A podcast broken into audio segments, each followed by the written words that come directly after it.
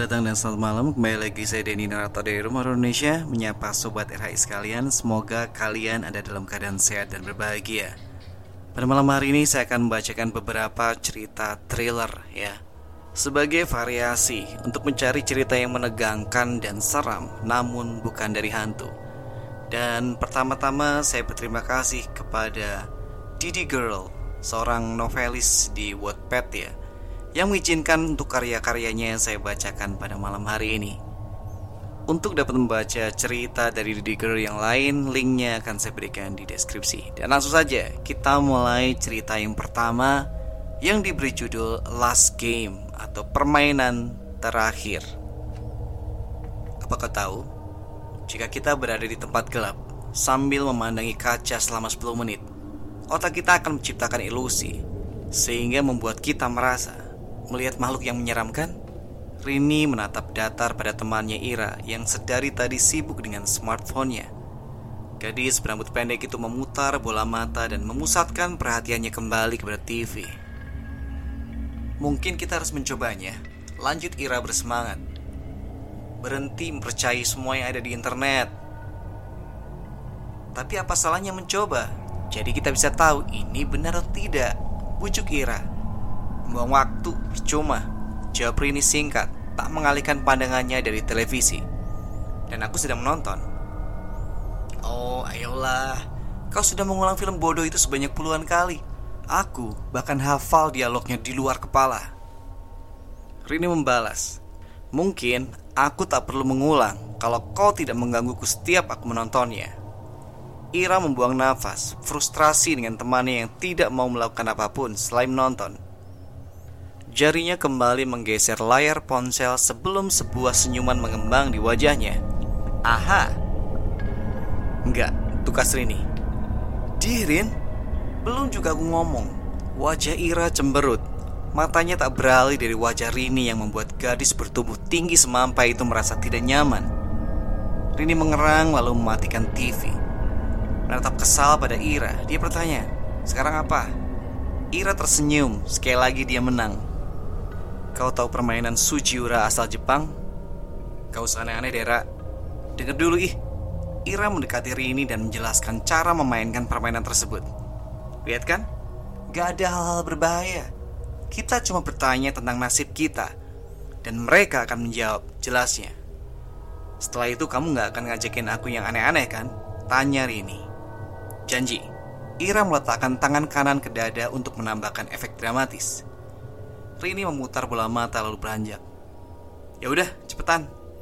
Bentar, bentar. Ira mengambil shell dan sebuah sisir lalu mengikuti Rini keluar. Kamu beneran yakin ini aman? Tanya Rini mulai ragu. Dia bergidik setiap melihat jalanan yang sangat sepi. Aman kok, udah sini. Ira mengarahkan Rini untuk duduk di persimpangan sesuai dengan petunjuk yang dilihatnya di internet. Terus, Tanya Rini yang mulai merasa bodoh karena mengikuti ide gila sahabatnya itu. Bentar, Ira mengeluarkan ponselnya, lalu membaca instruksi yang sudah terlebih dahulu ia simpan tadi. Hmm, di sini katanya kita cuma manggil. Terus kalau ada yang datang, langsung tutupin muka kita. Terus tanya tentang apa saja. Ira tersenyum lebar. Mudah juga. Rini betul-betul ragu untuk meneruskannya. Temannya pasti akan terus merengek kalau dia tidak menyelesaikan ritual bodoh ini. Lagi pula, dia cukup penasaran dengan hasilnya. Ira mengeluarkan sisir yang tadi ia bawa, membunyikan tiga kali dengan menarik gigi-gigi sisir tersebut menggunakan jarinya. Sujiura, Sujiura, Sujiura. Grant me a true response. Rini mendengar Ira berucap pelan, hampir berbisik. Jantungnya berdegup, perasaannya mulai tidak enak. Bagaimana kalau ternyata mereka malah memanggil roh jahat? Ada yang datang. Lamunannya buyar saat mendengar bisikan Ira. Rini segera meraih shawl dan menutupi wajah, mengikuti Ira. Dia mendengar Ira bertanya tentang nasibnya pada siapa pun yang sedang lewat itu. Tapi tidak ada jawaban yang dia dengar. Beberapa waktu berlalu, Kedua gadis itu membuka tutupan wajahnya dan mereka merasa konyol melihat jalanan yang kosong. Tadi itu pasti hanya orang yang hanya kebetulan lewat, Pasti dia mengira kalau mereka adalah orang gila. Sekarang apa? Tanya Rini kesal. Ira masih juga menunjukkan semangat yang sama. Kita ulangi sampai ada yang menjawab. Ira kembali mengulang ritualnya. Rini tidak sempat menjawab saat suara langkah kaki terdengar dari kejauhan. Mereka segera menutupi wajah kembali. Lagi-lagi Rini mendengar sahabatnya itu bertanya, "Apakah besok Adrian akan mengajakku ke pesta perpisahan nanti?" Beberapa detik berlalu dan belum juga ada jawaban. Namun atmosfer saat itu mendadak berubah. Udara terasa lebih dingin, membuat Rini menggigil. Padahal sekarang pertengahan bulan Mei. Terdengar suara napas berat, lalu sebuah suara paroh berbisik. That girl have no future. Andai bukan karena keadaan yang begitu sunyi, Rini tak mungkin mendengar suara tersebut. Sontak mereka menyingkirkan syal dari wajah dan menatap takut pada jalanan kosong. Apa mereka hanya membayangkan semua itu? Rini hendak beranjak, berdiri di atas lututnya. Ia hendak meraih Ira yang masih mematung di sebelahnya. Saat cahaya lampu datang dari arah belakang diiringi suara mesin kendaraan. Rini menoleh, tak sempat bereaksi manakala sebuah truk berjalan ke arah mereka. Dia bahkan tak sempat berteriak pada sahabatnya untuk menyelamatkan diri sebelum truk itu menghantam tubuhnya, membuatnya terhempas ke atas aspal dan kehilangan kesadaran seketika. Lima tahun sudah berlalu sejak hari itu, tetapi Rini masih mengingat semua seolah baru terjadi kemarin. Dia berhasil selamat setelah mengalami koma selama hampir tiga bulan. Namun Ira tak seberuntung dirinya. Gadis itu tepat berada di arah roda truk maut tersebut membuat tubuh rampingnya tergilas truk berkecepatan tinggi itu, melumatkan daging dan tulangnya hingga tak berbentuk. Rini tak pernah menyangka bahwa permainan malam itu akan menjadi saat terakhirnya bersama sahabat kecilnya itu. Oke, cerita kedua masih dari Didi Girl dengan judul Granny atau Nenek. Lampu kecil yang tergantung di ruangan kotor dan gelap itu bergoyang saat angin berembus masuk melalui ventilasi. Di tengah ruangan tersebut terlihat seorang gadis terbaring tak sadarkan diri. Jarinya terlihat bergerak, menandakan masih ada nyawa pada tubuh pucat tersebut. Dira perlahan terbangun dengan sakit kepala luar biasa. Embusan nafasnya menyebabkan debu di lantai tempatnya terbaring berterbangan, membuat gadis berambut pendek itu terbatuk-batuk. Dira memegangi kepala saat sakit yang ia rasakan bertambah berkali lipat. Kau sudah bangun? Dira terkesiap oleh suara yang tak ia kenal. Netra hitamnya mencari di antara kegelapan sebelum bertemu sosok pemuda asing duduk bersandar pada dinding kayu menatap datar ke arahnya. Dira menyeret tubuhnya mundur perlahan. Nafasnya tercekat saat ia menyentuh tubuh orang lain di belakangnya menyebabkan gadis itu menghambur ketakutan. Kau tidak perlu takut dengan kami. Dira kembali dikejutkan oleh suara baru yang berbicara padanya. Kali ini, seorang perempuan yang berdiri di sudut lain ruangan gelap tersebut. Dia memastikan kalau kedua, tidak. Ketiga orang asing itu tetap terlihat. Dira tak mau mencari tahu apa yang akan mereka lakukan padanya jika ia membiarkannya dirinya lengah. Dia berlari menyambar pintu dan berusaha membukanya. Tapi seketika diliputi kepanikan saat menyadari dirinya terkunci bersama tiga orang asing ini. Dira histeris menggedor-gedor pintu sekuat tenaga sambil berteriak agar seorang membukakannya. Keluarkan aku dari sini. Seorang menyambar tubuh Dira dari belakang dan menutupi mulutnya. Dira berusaha meronta, namun tak mampu melepaskan diri. Diam, apa kau sudah gila? Bentak laki-laki tersebut. Tubuh Dira bergetar dikuasai ketakutan. Dia ambruk dan memeluk tubuhnya ketika laki-laki tadi melepaskannya. Jangan biarkan dia mendengarmu. Lagi-lagi lelaki itu berbisik membentaknya.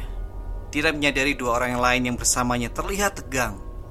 Dia menutup telinga dengan kedua tangan dan menutup mata rapat-rapat. Berharap ini semua hanyalah mimpi buruk. Cukup Rian, apa kau tidak lihat kalau dia sangat ketakutan? Bentak wanita tadi sebelum mendekati Dira. Hei, namaku Linda. Seperti yang kubilang tadi, kau tidak perlu merasa takut pada kami. Linda membangunkan tubuh Dira dan tersenyum. Walau senyumnya tampak sedikit dipastakan Siapa namamu? Tanyanya lembut Dira Kamu ingat hal terakhir yang terjadi sebelum ini? Tanyanya lagi. Dira mencoba berpikir Mengingat apa yang terjadi sebelum dia terbangun di tempat ini. Aku Aku tidak ingat Tangisnya. Oke Kata-kata Linda terhenti Ketika suara langkah kaki terdengar. Mata gadis itu membulat Sebelum menyeret Dira ke sudut ruang Dan mengisyaratkan padanya untuk diam. Pintu kayu itu terbuka dan seorang wanita tua masuk dengan sebuah tongkat kayu berlumuran darah yang ia seret di belakangnya. Dira hampir saja berteriak jika saja bukan karena tangan Linda yang menutupi mulutnya. Matanya bertemu dengan netra coklat Linda yang seolah memohon padanya untuk diam. Wanita tua itu berjalan sedikit terseok. Kulit keriputnya tampak berwarna abu-abu. Beberapa bagian terlihat terkelupas Bahkan beberapa bagian rambut putihnya terjuntai bersama dengan kulit kepala yang hampir lepas dari kepalanya. Air mata Dira menetes. Makhluk apa yang ada di hadapannya ini? Wanita itu berbalik ke arah di mana dia dan Linda berada. Tubuh Dira mematung melihat mata abu-abu wanita tua itu. Ia tampak buta. Wanita itu bergumam sebelum beranjak keluar, menyeret tongkat kayunya tersebut. Dira melepaskan nafas yang ia tidak sadar telah tertahan. Siapa itu? Tanyanya terbata. Itu nenek. Dira menatap Linda datar. Nenek siapa? Apa maksudmu? Kenapa aku ada di sini? Shh. Dira menatap pria yang melihat tajam padanya. Apa kau berusaha membuat kita semua terbunuh? Mata Dira membulat. Kamu gak perlu takut. Kita hanya perlu mencari jalan keluar dan kita cuma punya tiga hari untuk itu. Jelas Linda. Apa yang terjadi jika tiga hari telah habis? Tanyanya pelan. Mari kita berharap itu tidak terjadi. Dira menatap Linda, tak memahami apa yang dia maksud. Peraturannya jelas. Kita harus menemukan jalan keluar sebelum waktunya habis, atau wanita itu akan menghabisi kita. Rian menimpali, membuat Dira membelalak Gadis itu tampak seperti akan muntah. Dan pastikan dia tidak mendengarmu. Tambah pemuda yang lain. Oh, nama aku Rio. Dan sekarang apa? Tanya Dira. Sekarang kita mulai bermain. Dira menatap gadis di sebelahnya seolah dia sudah kehilangan akal sehat.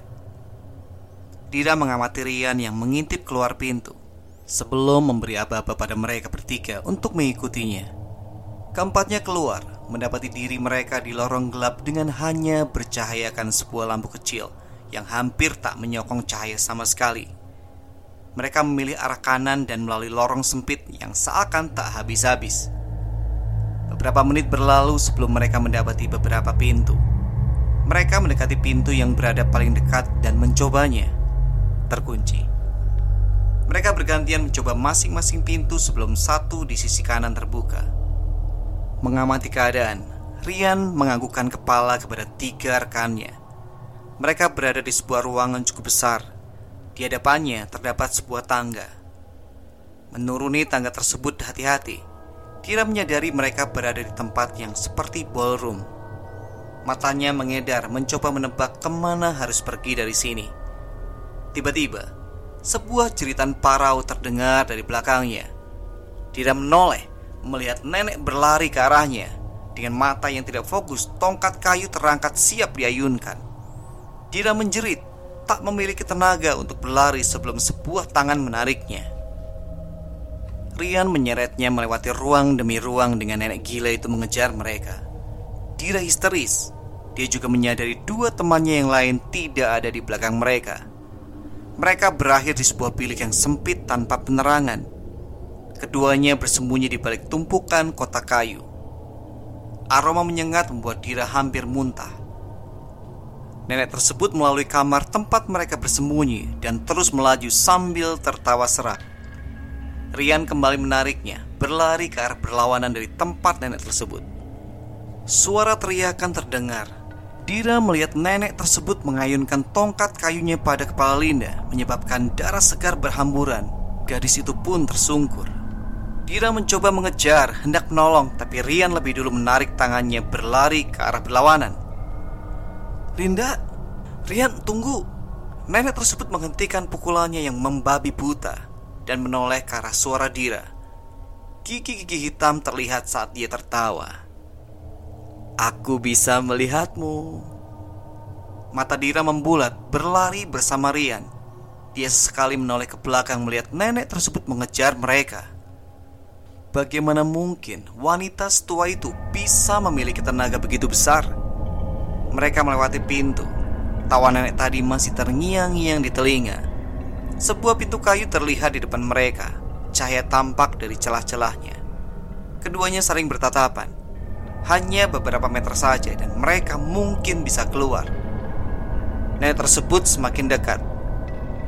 Maaf, ucap Rian tiba-tiba. Apa mak Pertanyaan Dira terputus saat Rian tiba-tiba mendorong tubuhnya kuat, menyebabkannya jatuh terduduk. Dia menatap Rian dengan mata membulat. Maaf, tapi hanya satu orang yang boleh keluar. Rian berlari ke arah pintu, meninggalkan Dira yang mematung di lantai. Dira mendengar suara langkah kaki tertati di belakangnya. Suara kayu terseret mengikuti. Dia melihat Rian yang mencoba membuka pintu tersebut, tapi tampaknya tidak bisa. Bayangan hitam muncul di belakang Dira yang masih mematung. Menatap ke atas, dia melihat nenek gila itu mengangkat tongkat kayunya. Suara jeritan Rian yang tak berhasil membuka pintu terdengar di telinganya. Hanya satu orang yang bisa keluar. Kalimat Rian terngiang di telinga. Rio tidak bersama mereka. Pukulan keras menghantam kepalanya. Tubuh gadis itu sontak menggelepar tak terkendali. Pukulan demi pukulan menghujani kepalanya menyebabkan cairan otak yang berhamburan. Tubuhnya terkulai tak bernyawa. Tawa para wanita tua itu terdengar di antara suara tulang tengkoraknya yang hancur. Selesai. Ya itulah tadi dua cerita dari Didi Girl yang saya yakin memberikan nuansa horor yang berbeda. Semoga kalian terhibur. Sampai ketemu di cerita berikutnya. Selamat malam. Selamat beristirahat.